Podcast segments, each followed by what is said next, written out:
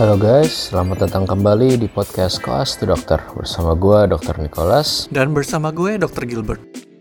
Oke Gil, episode yang ini sebetulnya sih gue udah pengen lakuin lama ya. Cuman Hmm. eh, pas itu sempat kita lakuin, tapi topiknya tuh kayak agak beda gitu dari yang I Envision gitu. Kayak eh, gue sebetulnya tuh pengen bahas kan tentang eh, kebiasaan di, ya terutama di kedokteran gitu ya. Kalau bahwa kita tuh sering melakukan sesuatu tuh murni karena kita ngelihat orang tuh melakukan gitu. Jadi kayak eh, kita ngelihat mungkin spesialis atau orang lain itu melakukan treatment A misalnya atau mungkin pemeriksaan B gitu. Terus ya udah kita ikutin aja tanpa kita tuh tahu sendiri kenapa mereka melakukan itu atau sebetulnya efeknya apa gitu. Kayak eh, in short itu kayak ya monkey do gitu kita ngomongnya. Nah, ini gue pas itu ngomong ke lu sih udah lama ya, udah dari podcast yang sebelum podcast S2 gitu. Gue ngomong ke lu sebetulnya membahasnya tuh tentang praktiknya di kedokteran gitu. Cuman kan kalau pas itu lu idenya ya kita bahas dulu praktiknya di eh, skala S2 gitu. Karena lu bilang kayak ya benar juga S2 itu angkatan kita tuh semenjak lu dan beberapa orang lain tuh S2 tiba-tiba kok banyak yang bermunculan lagi S2 S2 S2 S2 gitu kan. Itu salah satu bukti kan bukan bukti ya salah satu apa sih namanya tuh kalau misalnya sesuatu yang terjadi secara nyata gitu gitu filmnya Pir. Apa ya? Fakta. bukan Fakta. bukan. Kayak kita ngomong sesuatu nih terus kita lihat oh ya itu bukti konkretnya gitu loh. Bukti konkretnya eh, tentang mangkisi mangkidu ini gitu Gil jadi eh, itu kan di bidang S2 gitu. Nah sekarang kita tuh mau ngomongin di bidang kedokteran secara umum gitu kan. Nah, jadi tapi kayak kalau misalnya lu punya lu punya apa namanya keinginan untuk membahas ini, terusnya lu sendiri juga kayak tahu apa yang lu mau ngomongin, berarti biasanya lu ada ini nih, ada apa namanya?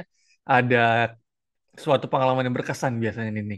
Gue pengen tahu sebenarnya gue pengen cari tahu nih karena apa sih yang ngebuat lu kayak oh topik ini kayak berkesan gitu. Karena kalau lu bilang kayak gitu ya sebenarnya on top of my head ya banyak sih sebenarnya. Cuma Abdi bilang berkesan banget gue udah menerima ini tuh sebagai part of our culture gitu loh. Coba gimana gimana? Monkey si monkey dulu definisi lu gimana secara konkretnya secara jelasnya? Biar kita satu paham dulu nih semuanya jelas dulu nih. Gua lu pendengar kita paham nih monkey si monkey dulu secara definisi apa? Eh, sebetulnya bukannya ada sesuatu yang berkesan ya Gil, cuman kayak ini juga gue inget pas itu pernah ada dissecting money itu pernah bahas dikit tentang ini. Jadi kayak gue eh oh iya benar. Terus selain itu gue juga emang secara praktik konkretnya ya emang kita lihat sehari-hari dan gue bukan orang yang benar-benar nggak pernah juga gitu. I'm a monkey juga kadang-kadang gue ngelihat eh, sesuatu ya I do it gitu tanpa uh, gue cari tahu lebih lanjut. Tapi kalau menurut gue sendiri, monkey see monkey do, terutama di bidang kedokteran itu ya, jadi semua hal yang kita lakukan, terutama di praktik atau kayak di treatment kita, yang kita tuh taunya tuh bukan karena kita tahu basic dari apa pun yang itu yang kita lakukan gitu. Misalnya ada orang sakit A gitu, terus kita kasih, kita lihat ada konsulen ngasih obat B, terus oh orangnya bagus gitu. Terus konsulennya ya nggak nggak nggak ngasih tahu apa-apa gitu nggak jelasin ke kita oh ya ini obat B-nya bekerja karena ini ini ini gue kasih karena ini ini ini. Dan ini buktinya tuh dari sini loh ada guideline-nya yang mengatakan ini dikasih ini gitu. Tapi ya kasih kita lihat itu bekerja jadi kayak me see that me see it work me do it gitu. And ya mungkin di beberapa hal itu bisa berfungsi gitu kan kayak emang ya most most of the time bakal berguna juga itu hal-hal kayak gitu ya. Kalau untuk simpelnya ya kita langsung ya udah kita lakukan aja dan emang mungkin berfungsi berfungsi aja gitu. Tapi ya intinya itu jadi kita melakukan sesuatu hanya karena kita melihatnya dan kita niru gitu. Tapi kita nggak tahu sebetulnya dasarnya itu tuh kenapa dilakukan itu gitu. Dan apakah itu sebetulnya benar atau salah juga sebetulnya kita nggak tahu. Kita cuman kayak at that point in time kita melihat dan kayaknya itu berfungsi. Atau bahkan kita nggak ngelihat fungsinya kita cuma ngelihat orang yang kita percaya atau orang yang kayaknya punya wewenang ngasih itu dan kita tiru dan jadinya kita lakukan gitu. Makanya kita sebutnya gue menyebutnya pribadi mangkisi mangki gue nggak tahu kalau ada definisi sakleknya gitu ya Gil. Tapi menurut gue sih itu sih Gil. Oke sebelum gua lebih jauh lagi menurut lu dulu deh monkey si monkey do ini sebuah hal yang bagus atau sebuah hal yang jelek? Ah aduh. Ini kita podcast kos dokter berdua Gil. Menurut lu gimana Gil Loh, Anda tidak bisa begitu, Dik. It doesn't work that way. Ini sesuai kata lu podcast kok as dokter. Kalau Anda tidak bisa menjawab, you don't get to deflect the question to me, bitch. Kalau kalau kalau kalau tamu yang kita undang tidak bisa menjawab, tentu mereka nggak bisa balikan ke kita, Gil. Tapi Aha. ini hanya kita berdua. Jadi kalau gue, gue bukan bilang gue nggak bisa jawab, gue cuma mau mendengar jawaban lu dulu gitu. Oh, gitu ya.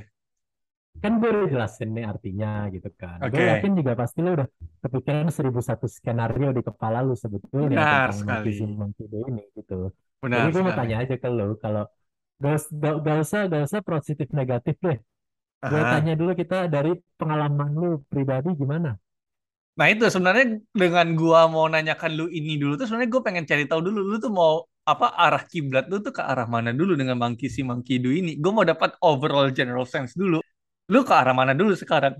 Ya atau tidak? Nanti jawabannya bisa berubah lagi. Ntar gue tanyain lagi. Tapi saya sekarang di awal ini, maksud lu, mak- maksud yang gue pertanyakan ini Monkey si Monkey Do-nya ini lu lebih ke arah condong positif atau negatif nih? Karena lu nggak bisa deny kalau masalahnya itu nggak jelek-jelek amat loh Monkey si Monkey Do. Ya, kalau gue kita sih sebagai pembicara kita harus selalu netral ya Gil. Kayak Gak juga anjing lu apa lu kadang-kadang juga juga overly bias anjing lu gak usah sosok netral anjing. Lu kadang-kadang juga kalau misalnya strongly feel agree sesuatu lu juga kan strongly feel agree anjir.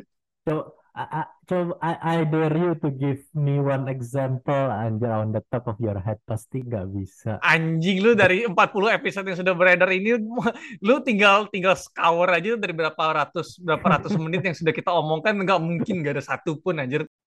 Ah, fine, fine. Mungkin gue sedikit kadang-kadang suka agak agak sedikit bias gitu ya Gil. Mungkin mungkin sedikit kurang dari lu gitu. Kalau lu kan extremely bias gitu kan. oh Nah, gitu ya eh eh, dari bias gue ya, yang sedikit agak bias ini ya, gue cenderung ke arah yang eh, konotasinya cenderung tidak setuju gitu. Karena gue orang yang lebih suka kalau kita melakukan sesuatu, yaitu karena ada basicnya gitu, kayak karena ada kita tahu kenapa kita melakukan apa pun itu yang kita lakukan gitu, kayak uh, apalagi kalau misalnya di bidang-bidang yang kayak kedokteran gini, kan semua orang itu beda-beda gitu ya, Gil. Kita nggak bisa ngelakuin sesuatu yang cookie cutter gitu. Sementara kalau kita monkey do ya, ya of course itu bakal most likely itu bakal cookie cutter. Jadi begitu ada variabel yang beda dikit, ya kita nggak bakal ubah ya. Kita bakal do what we do, eh do what we see gitu, do what the monkey see.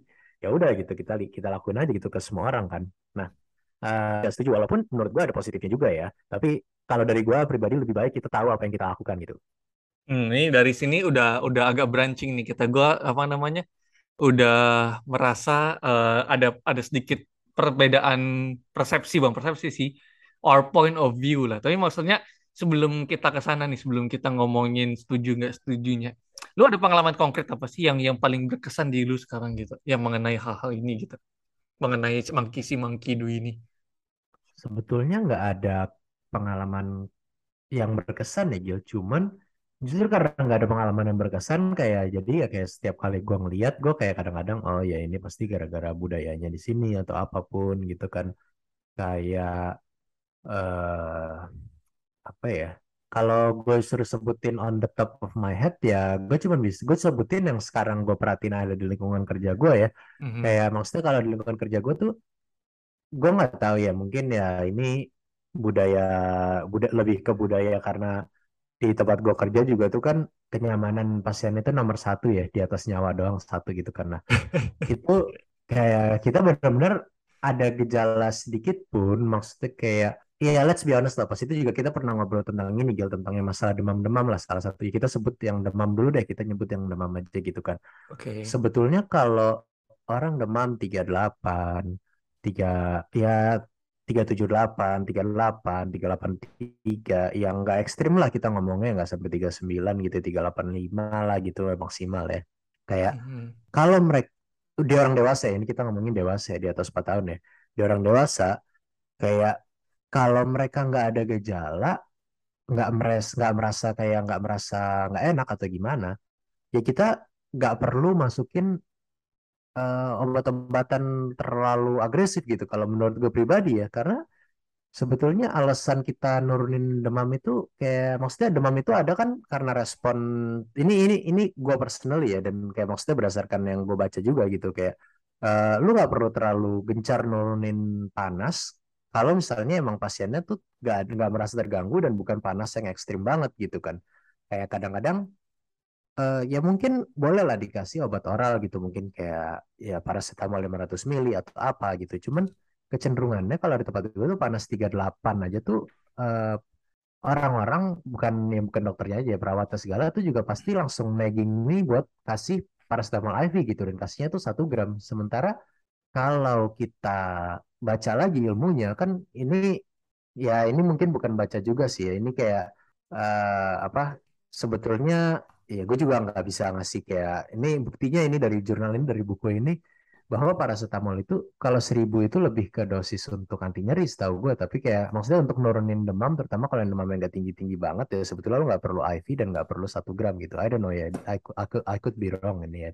Tapi kayak nggak ada yang kalau di tempat gue tuh kayak nggak ada yang mastiin gitu loh tapi kayak panik banget. Bahwa yang gua yang gua rada nggak serak itu tuh paniknya sih kayak maksudnya ya terus kenapa kalau pasien ada ya naik suhunya dikit tanpa ada keluhan kenapa lu harus pastermi buat kasih buat cepet-cepet kasih obat demam? Gitu. Sementara mereka tuh udah masuk hampir 3000 gram. Ya ya menurut gue itu sesuatu yang mereka cuman karena banyak lihat spesialis untuk kasih dan segala bagaimana apa jenis-jenisnya kayak gitu jadi dijadiin budaya bahwa oh demam dikit masukin PCT IV 1000 atau gitu ya gitulah. You, you get my point kan Gil gue gue bukan mau jelek-jelekin juga I'm not necessarily saying gue yang benar atau gue yang salah atau mereka yang salah atau gimana cuman kayak gue merasa uh, kalau di tempat lain biasanya atau di puskesmas atau di mana pun ya budayanya pasti beda gitu tapi ini salah satu contoh aja gitu yang sering kayak oh orang-orang lihat dilakukan ini jadi oh, pasti ini yang benar gitu. I don't Yes, know what's your yes. take. Gue ngerti sih apa namanya your point of view. Cuma kalau yang lu ceritakan itu gue kayak punya apa namanya gue kayak punya another term for it gitu loh. Jadi apa yang lu bilang mangkisi mangkidu yang menurut lu mangkisi mangkidu menurut gue bukan mangkisi mangkidu dalam artian contohnya kayak lu nih kan demam 38 dikit kasih paracetamol ya kan. Dan memang kalau kita diajarkan kan nggak Hmm. ini kan nggak nggak nggak sesuai gitu. Ngapain sih dikasih paracetamol padahal demam harus gini gitu kan? Which I get it. Cuma maksudnya kalau itu gue Hmm. lebih setuju dengan terminologi defensive uh, medicine. Kayak katanya Cimegi kemarin. Kayak lu apa-apa dikit kasih ini apa-apa dikit kasih ini. Ya kalau misalnya mau contohnya kayak lu ya berarti pasien demam batuk pilek gue kasih antibiotik. Mangkisi mangkidu ya kan? Padahal apakah semua pasien demam batuk pilek dikasih antibiotik gitu Hmm. kan dan itu juga apa namanya Hmm. bahkan pasien-pasiennya sekarang juga nanya gitu kan apakah butuh antibiotik gitu kan. Yang which is sebenarnya kan satu mau dibilang kita tahu pasti apakah nanti perkembangannya dia akan sembuh tanpa antibiotik kita juga nggak tahu. Karena most of the time syukur-syukur dia datang tiga hari setelah sakit. Biasa datang juga demam subuh tadi pagi gitu kan kayak fuck gue mau ngapain anjing? gitu kan. Jadi kayak ya kalau mau mangkisi mangkidu ya gue kasih antibiotik gitu kan. Cuma kalau misalnya kayak gitu sih gue lebih sukanya terminologi defensive medicine. Jadi kayak ya gue nggak mau salah gue nggak mau tahu. Biar pasien senang gue senang. Uh, mau disalahkan gue nggak bisa salah ya gue kasih aja semuanya gitu. Yang which is ujung-ujungnya makanya demam 38 kasih paracetamol. Atau mungkin misalnya uh, pasien ada keluhan ini dikit semua dikasih obat-obatannya. Yang which is end up dia dapat 20 obat-obatan. Yang which is kayak sekali lagi sesuai kata lu belum tentu kita benar. Mungkin juga sesuai dengan teori mereka atau segala macam gitu cuma kalau definisi gue mangkisi mangkidu tuh lebih ke arah ini nih kayak lebih ke arah misalnya let's say um, spesifik banget lah misalnya hal-hal yang di luar ekspertise kita kita nggak tahu kita males baca dan kita ngikutin aja. Nah itu definisi gue mangkisi mangkidu. Jadi kalau misalnya kita udah tahu teorinya, tapi kita tetap ngelakuin hal itu, ya berarti itu karena satu kita malas berdebat, malas berkomunikasi, atau dua kita memang defensive medicine aja gitu. Jadi kayak pasiennya mau apa kita turutin gitu kan.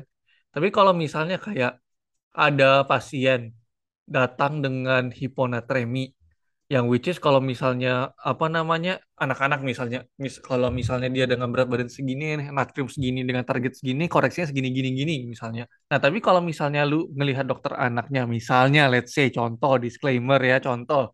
Dia langsung kayak tembak ya udah kasih aja natrium cups tiga kali setengah atau apalah gitu whatever bullshit gitu kan. Atau dia bilang ya udah NaCl Hmm. 0,9 kasih gini gini gini. Terus lu tanya eh wah dok cara gitunya gimana dok Oh jadi gini, kalau misalnya dia natrium dia segini sampai segini, umur segini kasih segini gitu. yang which is kayak lu nggak cari tahu lagi gitu kan eh, dari mana ininya. Nah itu monkey see monkey do menurut gue jadi kayak dalam tanda petik kebiasaan gitu loh. Yang kalau misalnya kebiasaan sampai sekarang contohnya satu puyer. Dua dosis obat-obatan anak-anak di puskesmas. Nah itu monkey see monkey do tuh ya kan? Kalau menurut gue sih itu monkey see monkey do. Kayak lu hmm, tahu dosis benernya itu bukan defensive mechan- itu bukan defensive medicine lagi dalam artian ya itu tolol sebenarnya. Lu malas menghitung sebenarnya kan. Jadi kayak dosis anak-anak segini puyernya segini gitu. CTM GG PCT dosis segini gitu kan. Yang is kayak ah, ya itu see monkey do-nya kalau menurut gue. Jadi kayak ya, balik lagi sih ini konteks lu see monkey do apa? Makanya gue tanya lu lagi. Kayak is it a bad thing or is it the good thing? Kalau menurut gue sih kalau yang contoh yang kayak tadi kita bilang itu it's a bad thing gitu. Kalau misalnya it's a good thing contohnya kayak for some reason memang dokternya bener bukan for some reason sih memang dokternya bener gitu kan. Dia mengikuti ilmu mengikuti teori. Dan kita malas baca. Eh tapi bener yang kita praktekkan gitu. Syukur alhamdulillah. Berarti mangkisi mangkidunya prakteknya bener gitu kan. Dan which is sebenarnya secara ideal dan teorinya kita pengennya kayak gitu. Hmm, hmm. ya kan? Kita pengennya dokternya tahu benernya gimana dia menerapkan teorinya Ah, benernya gimana ataupun kalau misalnya dia tahu itu salah dia jelasin ke kita deh ini sebenarnya bukan kayak gini cuma karena kondisi A B C D E F G yang which is memang dalam hidup dalam secara clinical practice kita nggak tahu ada banyak variabel A B C D E F nya makanya saya kasih gini gitu itu kan bagusnya gitu kan mangkisi mangkidunya hmm. kan Iya, iya, iya. jadi kayak apakah Oh, iya, dibilang a iya. good or a bad thing jadi kayak gue gue ngerti sih. ah, ah, dibilang apakah it's a bad thing or good thing ya gue nggak bisa jawab tergantung konteks lu apa apakah konteks lu lebih ke arah defensive medicine lebih ke arah lu males atau memang kayak it's for our own convenience sake gitu yang which is memang balik lagi ke definisi lu yang monkey see monkey do itu gitu sih kalau gue Iya, iya. Ah, nggak, kalau yang gue gue setuju sih kalau yang gue ngomongin tadi jatuhnya jadi lebih ke defensive medicine sih. Tapi berarti kalau yang tempat gue itu monkey see monkey do-nya itu adalah di saat eh, kalau gue ngasih paracetamolnya tuh 500 mili buat nurunin demam orang-orang atau perawat tuh kadang ada yang ngeliat gue tuh kayak weird gitu loh. Karena mereka biasanya ngeliatnya tuh satu gram, nggak pernah 500 mili gitu. ya Banyak juga ya tuh soalnya kayak, ah 500 mili. Ya, ya itu kalau kalau itu monkey do, gue yakin itu bukan defensive medicine itu. ya Tapi ya ya ya gue ngerti sih setelah lu ngomong itu benar juga yang gue ngomong itu lebih ke defensive medicine. Sementara kalau monkey do ya lebih ke kayak ya prakteknya gitu sih lebih ke kayak mungkin ya apa ya? Ya sebetulnya eh, itu kayak dua hal yang bisa terjadi karena hal yang sama, cuman prinsipnya tuh beda ya gitu ya ah. menurut gue sih. kalau Ya, kalau ya. contoh kayak lu misalnya gue pernah jaga IGD ada pasien Hamel, Hep gitu kan, Hep B gitu kan positif. Hmm, Terus ditanya sama perawatnya, dok ini masuk ruang isolasi nggak? Gue kayak, kan ruang isolasi gue tuh pokoknya ada droplet, kontak sama apa gitu kan. Hep B is neither of those kan Hmm. Hep B kan. Kecuali Hep A. Kalau Hep A ya fecal oral gue masih bisa terima lah. Hep B itu kan kayak just wear a fucking glove kayak, kayak as usual as per usual gitu kan. Gue kayak nggak nggak perlu. Terus di- 10 menit lagi, dok perlu isolasi nggak? Nggak. Ketiga kalinya sebelum mau naik, dok ini nggak perlu isolasi kan? Nggak. Terus lo tau apa? Dimasukin ke ruang isolasi. Anjing. Itu Anjing itu nggak? I, I'm I'm not I'm not dissing I'm not dissing your place ya Gil. I'm not dissing Jambi tapi itu tipikal di daerah-daerah terpencil nggak sih Terus kayak pas di Serang juga ada orang B itu kayak langsung disemprot-semprot di treat kayak seakan-akan dia tuh orang COVID gitu anjir sebelum terus era COVID terus gue jaga bangsal uh, sebulan kemudian kan. Uh, ada pasien batuk usia lim- empat- 50-an, ma- 40 40-an lah, masih muda, berat 30 kilo, TB paru. TB paru tapi nggak ketahuan dari IGD, nggak masuk ruang isolasi. Sebelahnya ada orang, sebelahnya ada orang sehat walafiat mau operasi doang, operasi biasa gitu. Gue kayak anjing tolol tay. Lu orang kayak gini lu nggak masukin ruang isolasi tapi pasien gue sirhab yang nggak apa namanya sirhab itu lu nggak masukin ruang, lu masukin ruang isolasi kebalik anjing kesel gue. Nah, ini kalau itu bukan monkey see monkey do Gil it's just being a dumbass Nggak, maksud gue yang yang terakhir dam eh tapi yang pertama kali itu loh kayak kebiasaan gitu loh semua pasien-pasien yang semua pa- lu pas semua pasien yang apa namanya etiologinya infeksi lu masukin aja ruang isolasi penuh lu anjir. Semua semua ruangan aja lu kasih isolasi anjir. Nggak sekalian pasien ya KPD ya lu mas. makanya again Gil kalau itu sih bukan bukan bukan karena mereka melihat bukan karena mereka see ya jadi emang they don't know that's just being a dumbass. Ya bukan being adap see ya. ya karena mereka being adames makanya monkey see monkey do makanya defensive medicine kan. Pokoknya semuanya isolasi aja Ya, dulu. tapi mungkin mung- mungkin kan tapi kayak berarti mereka mungkin nggak melihat gak sih? Atau mungkin ya ada juga mereka ngelihat dames yang masukin orang B ke isolasi terus mereka tiru sih. Tapi ya kita belum bisa belum bisa ini lagi. Kalau ini emang mereka melihat orang yang salah melakukan itu atau emang just being a dumbass. Kita nggak bisa ngeponis mereka itu uh, mangkisi mangkidu karena kayak mereka melihat oh ya itu ini nih pernah lihat ini spesialis ini nih masukin hepatitis B ke ruang isolasi nih karena mungkin hepatitis B varian XXX itu menular lewat aerosol gitu kan. Kita kan nggak tahu kan we're just dumb RMO gitu kan. Tapi atau mereka emang purely dumbass mereka nggak tahu kalau hepatitis B itu tuh nggak menular dari udara gitu loh. Kayak uh, beberapa beberapa orang-orang yang pernah gue temui gitu tuh juga mereka mentreat orang HIV atau orang hepatitis B itu kayak seakan-akan mereka tuh peak gitu kayak seakan-akan mereka tuh orang yang uh, kita lagi di peak of COVID terus ada orang COVID di tempat orang-orang sehat tanpa pakai masker gitu. Kayak mereka tuh menteri orang-orang yang bahkan menularnya tuh you literally have to fuck them gitu. Kayak uh, mereka menganggap kalau lu di satu ruangan sama mereka bernafas di udara yang sama well then you're basically fucked by them gitu. Gue gak tahu lah. Gue gue nggak bisa ngejudge itu mereka emang damas atau mungkin emang mereka melihat Yusuf. No no itu bukan emang kisi makidu kalau menurut gue itu emang ya kita belum bisa tahu lah gitu. Kalau ya karena ada pengaruh kultur dan budaya eksternal juga nggak sih? Satu kayak mereka udah terbiasa ngeliat spesialis ngeliat gitu therefore spesialis bener lu dam RMO lu stupid gitu kan. Satu. Terus kedua kayak mereka melihat kayak oh ya kalau dapat dapat yang seribu pasiennya cepat sembuh. Kan intinya adalah semuanya cepat sembuh sebenarnya kan yang which is kayak satu bisa jadi sebenarnya by luck by chance atau enggak ya enggak juga gitu kan ngerti nggak maksud gue kan di sini kan enggak, enggak. ini kan kita lagi ngomongin yang ya, kasus ya, hepatitis. Jambi yang orang hepatitis B masuk ya. isolasi kan itu kita nah, move ya. on lah kita ya, kita kita nggak usah beat down lagi itu lah itu udah kayak nggak usah beat down lagi lah ya. Kita, kita ngomongin yang mangkisu, mangkidu in general tadi yang misalnya contohnya paracetamol yang 1000 gram itu kan. Karena satu mereka yeah, ngeliat spesialis ya, ya kan. Kedua cepat sembuh demamnya oh iya segala macam gitu-gitu sebenarnya kan. Misalnya terus kayak mm-hmm. kalau lu mau mangkisi mangkidu dari it's because it's Jambi ya. Ini kayak baru tadi pagi gue jaga kan. Kayak ada pasien pingsan. Gue nggak sebutin apa segala macam for ini ya. Tapi dia kerja gitu kan. Dia kerja pingsan segala hmm. macam Nah, terus kayak gue assess dia sebagai psikogenik gitu. Soalnya kayak apa namanya? TTV semua bagus. Matanya pas gue hmm. ngelihat dia ada tahanan mata. Kayak lu bisa bedakan kan orang mata yang iya, pankes yeah, yeah, literally yeah, yeah. dan atau orang atau orang hmm, yang sangat atau yang pura-pura ya. Gue gue paling suka tuh kasus kayak gitu tuh gue bisa menyakiti orang tanpa di tanpa dipermasalahkan itu. Masa ada sih setiap kali gue buka matanya matanya langsung mendelik ke atas kayak wow so penkes amazing kayak mata orang penkes nih gue bisa ngelihat dia midriasis atau enggak ini enggak anjing gue gak lihat itu pupilnya di mana tai dia selalu mendelik ke atas matanya shit gue kasih lah rasa nyeri kan. Di jaring nailbed uh, tapi kuat loh nih dia walaupun perempuan muda ya gue kasih nailbed gue tekan setai tainya dia tahan. Gue kasih di sterumnya dia tahan. Gue kasih di zigomatikus dia tahan. Gue kayak ya ada sih gue kelihatan lah. Kayak dia apa namanya narik dikit kelihatan lah. Cuma maksudnya kayak yeah, iya. teriak yeah. ini maksudnya considering gue pakai full force gitu loh ini kayak literally kalau misalnya lu GCS 3 minimal ada gerakan dikit loh. Ini enggak loh. Kayak lu tau kan tipe-tipe tipe-tipe rangsangan nyeri yang GCS 3 naik ke GCS 5 tuh ada kan? Ada kan Nick? Oh, ada Gil. Ada. Nah, nah ini itu. what what what goes in my head itu sekarang Gil Maybe you should just hit the gym harder, Gil. You're just too weak. Nah, itu, itu, itu. Gue juga sempat mikir untuk kan, cuma gue kayak, hmm, gak, gak, gak. Dia, dia apa namanya, dia dia saking tersakiti itu sampai dia mau dirawat mungkin. Sih. Gue mikirnya kayak gitu. Gak, gak. Gua, I'm not that weak nih. Gue pas gue neuro, gue bisa naikin GCS 3 ke GCS 5 nih. Dengan strength gue yang sekarang GCS 3 naik ke 10 nih. Gue yakin. Cuma maksudnya, fine, kan. fine. Terus? Terus, perawatnya bilang, dok udahlah dok ini rujuk aja CT scan. Gue kayak anjing kenapa? Gitu kan terus dia cerita gitu kayak ya dok kemarin tuh ada pasien kayak gini juga persis gitu kan. Terus pas di CT scan eh ternyata pendarahan otak gitu. Ya udahlah dok rawat aja segala macam gini-gini gitu kan. Dirawat anjing? Psikogenik sinkop erkosa psikogenik dirawat anjing.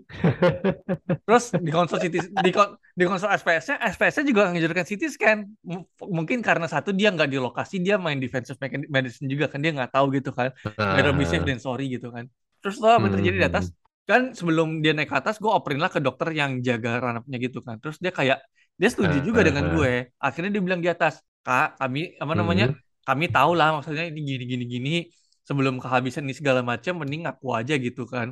Eh setelah dokter ranapnya keluar dia kamu anjir. Dia tiba-tiba manik aja terus dia gigit dia gigit temennya.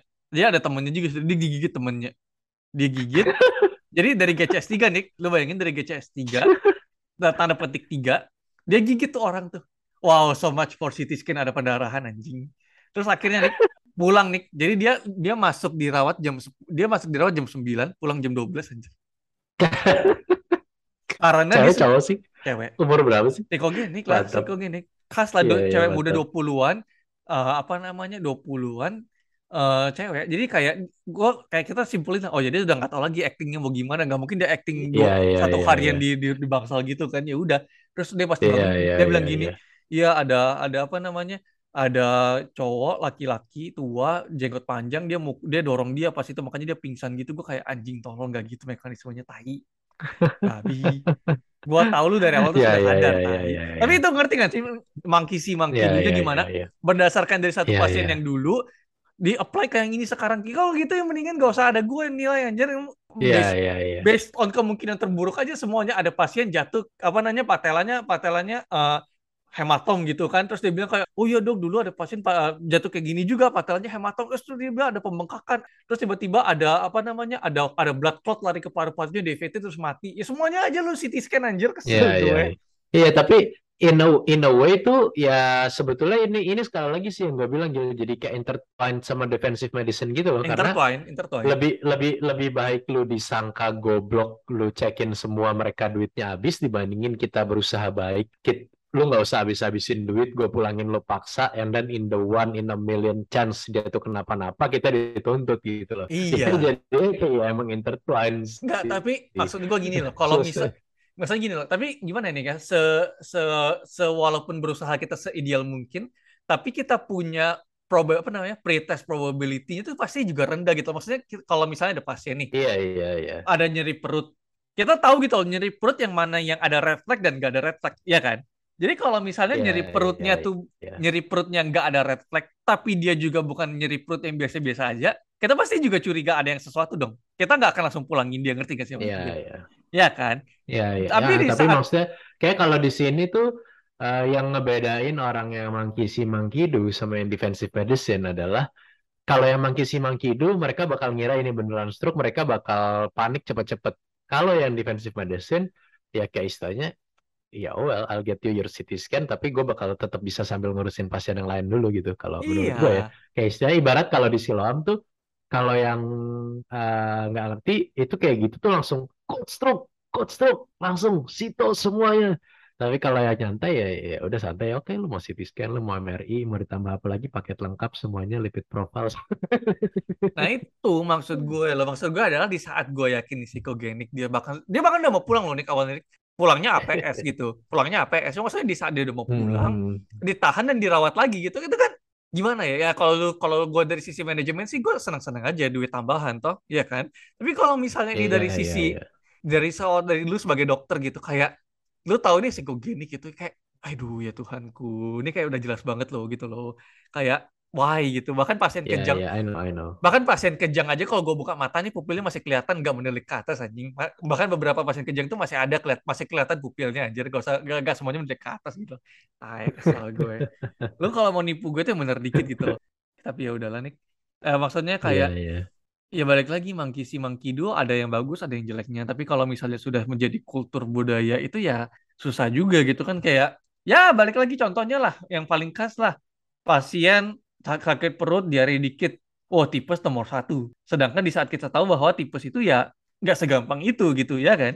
Yes, kayak maksudnya ya akhir-akhirannya kalau itu juga menurut gue lebih karena males nyari diagnosis sih Gil. Kayak daripada ya. Aus febris adalah tipes. Dan kayak kita ya justified karena ada Widal walaupun deep down kita tahu Widal itu nggak bisa kecuali ya mungkin seper seribu sekian itu pun juga ya ya itu antibody itu ibaratnya kayak sekarang gue bilang iya gue positif covid berdasarkan apa rapid antibody ya kan tolol gitu kan Ya, tapi ya it is what it is gitu lah. Tapi maksudnya di rumah sakit gue ya at least ya sekarang pakai tubex kalau menegakkan diagnosis. Jadi kayak agak agak naik dikit lah, naik dikit lah.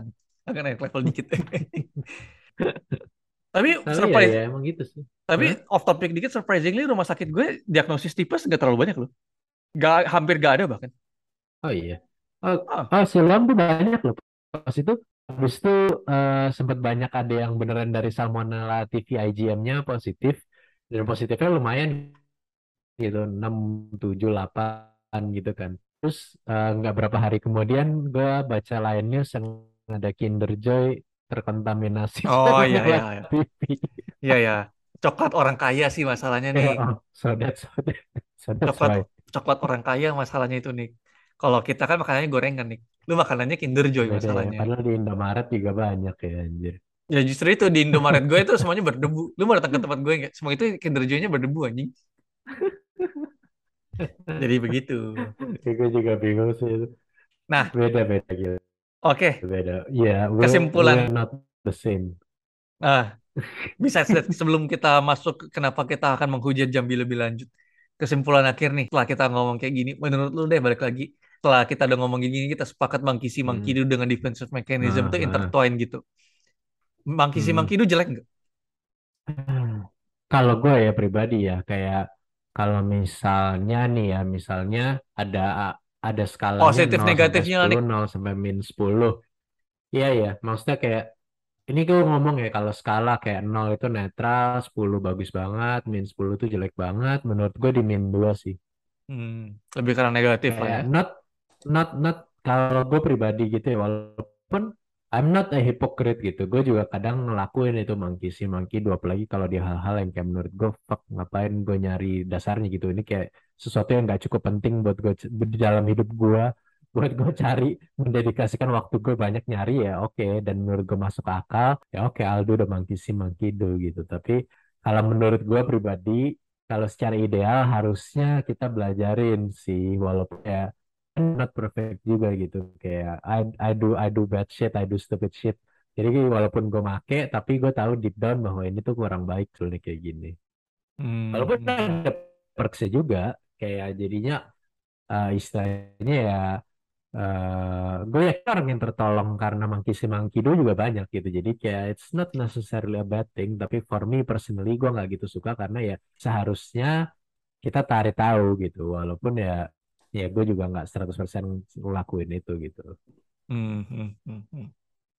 nah kalau lu Eh, kalau gue, kalau gue, gue sih lebih ke arah netral. Gue tengah-tengah dalam artian kayak eh clinical judgment penting, clinical expertise penting. Makanya kita belajar sama senior kita atau senior atau enggak minimal ya.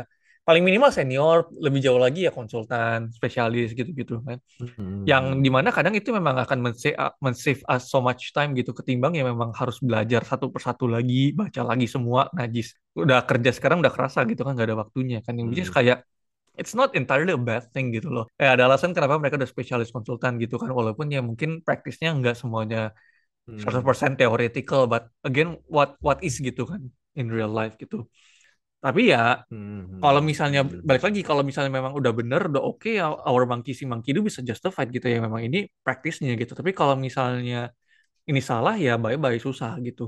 Nah gua kenapa itu nggak entirely positif kenapa negatif ya balik lagi ke lu itu Nick. Jadinya kesannya kayak seolah-olah itu memang adalah Alkitabnya Bible-nya gitu kan. Padahal sebenarnya kan belum tentu gitu. Kayak ada alasan mengapa kita melakukan itu ada alasan kenapa kita nggak melakukan ini gitu. Jadi kayak terkadang ada pressure juga kayak peer pressure gitu loh kayak dok yakin ini nggak ini? Dok yakin ini nggak itu?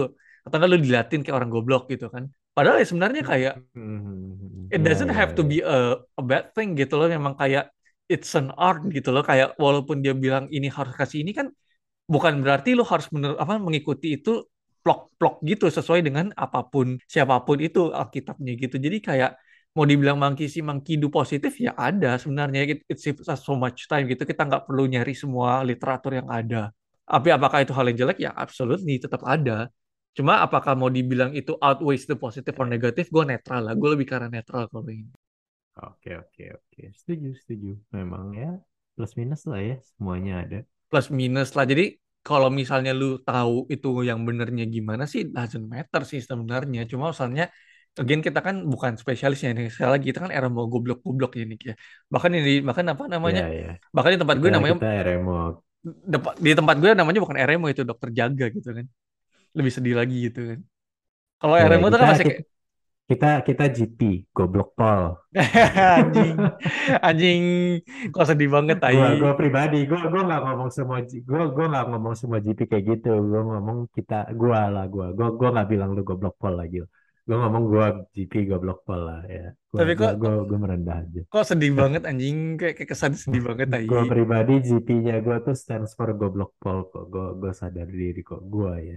Gue jadi GP-GP lain jangan ada yang merasa tersinggung ya. Gue gue bilang GP gue pol. Gue pekok tuh. GP itu gue pekok. Mungkin orang apa orang-orang yang ngerti bisa jawab gue pekok. Gue pribadi Tapi ya begitulah nih. Oh, gimana ya? Mungkin nanti di saat ketika sudah kita bertemu dengan yang lebih ahli lagi atau mungkin kita perlu ngundang Dr. Theo for a two hour special gitu kan. Dia akan memberikan insight dia yang lebih jauh lagi mungkin kalian ya kayak. Iya enggak, iya enggak, iya enggak. ah ya itu actually menarik loh Iya kan? itu itu actually ide yang menarik loh kayak insight seorang dokter spesialis yang we both know fucking smart di bidang ini jadi Dan dia di sangat tertarik dengan topik ini. Gue itu yakin dia akan gimana sangat tertarik dengan topik ini sih. Iya kan? Iya iya, gue juga bisa melihat dia tertarik dengan topik ini sih. Iya kan dia kayak dia akan melihat kayak aduh anjir ini RMO-nya goblok banget anjir ini belajar dari mana anjing gitu kan. Oh enggak dok ini kan belajar dari gini gini gini. Oh enggak dari siapa lu yang salah gitu gitu. Terus kita berdua dibantai Iya, anjing. nanti nanti bakal dibahas uh, secara filosofikal pembelajarannya gitu. Gue bisa iya. melihat itu seru itu bakal jadi episode yang cukup menarik gitu. Nanti kalau kita lagi nggak burn out kita lakukan itu ya kita perlu kasih atau mungkin topik berikutnya burnout pada physician terus kita berdua lagi anjing kita nangis gitu kan. But otherwise ini topik ini sampai di sini dulu ya guys ya. And we'll see you guys soon bye bye bye. dan jangan lupa juga untuk mengunjungi website kami di koas2doctor.com k o a s angka 2 d o c t o r.com Instagram kami di @koas2doctor dengan spelling yang sama atau kalian juga dapat berkomunikasi dengan kami via email di koasdoct@gmail.com. Saya ulangi k o a s d o c t @gmail.com. Bakalan sangat membantu juga kalau kalian men-share podcast kami atau memberikan review di platform mana pun saat kalian mendengarkan podcast ini. Dan juga kalau mau bisa di follow account Instagram kami semua. Seperti kalau Gilbert ada di @gilbertsterling, @nicholasgabriel dan juga account kedua saya terutama yang membahas mengenai kesehatan dan fitness di @sehatisasi. But otherwise, we'll see you guys soon. Bye.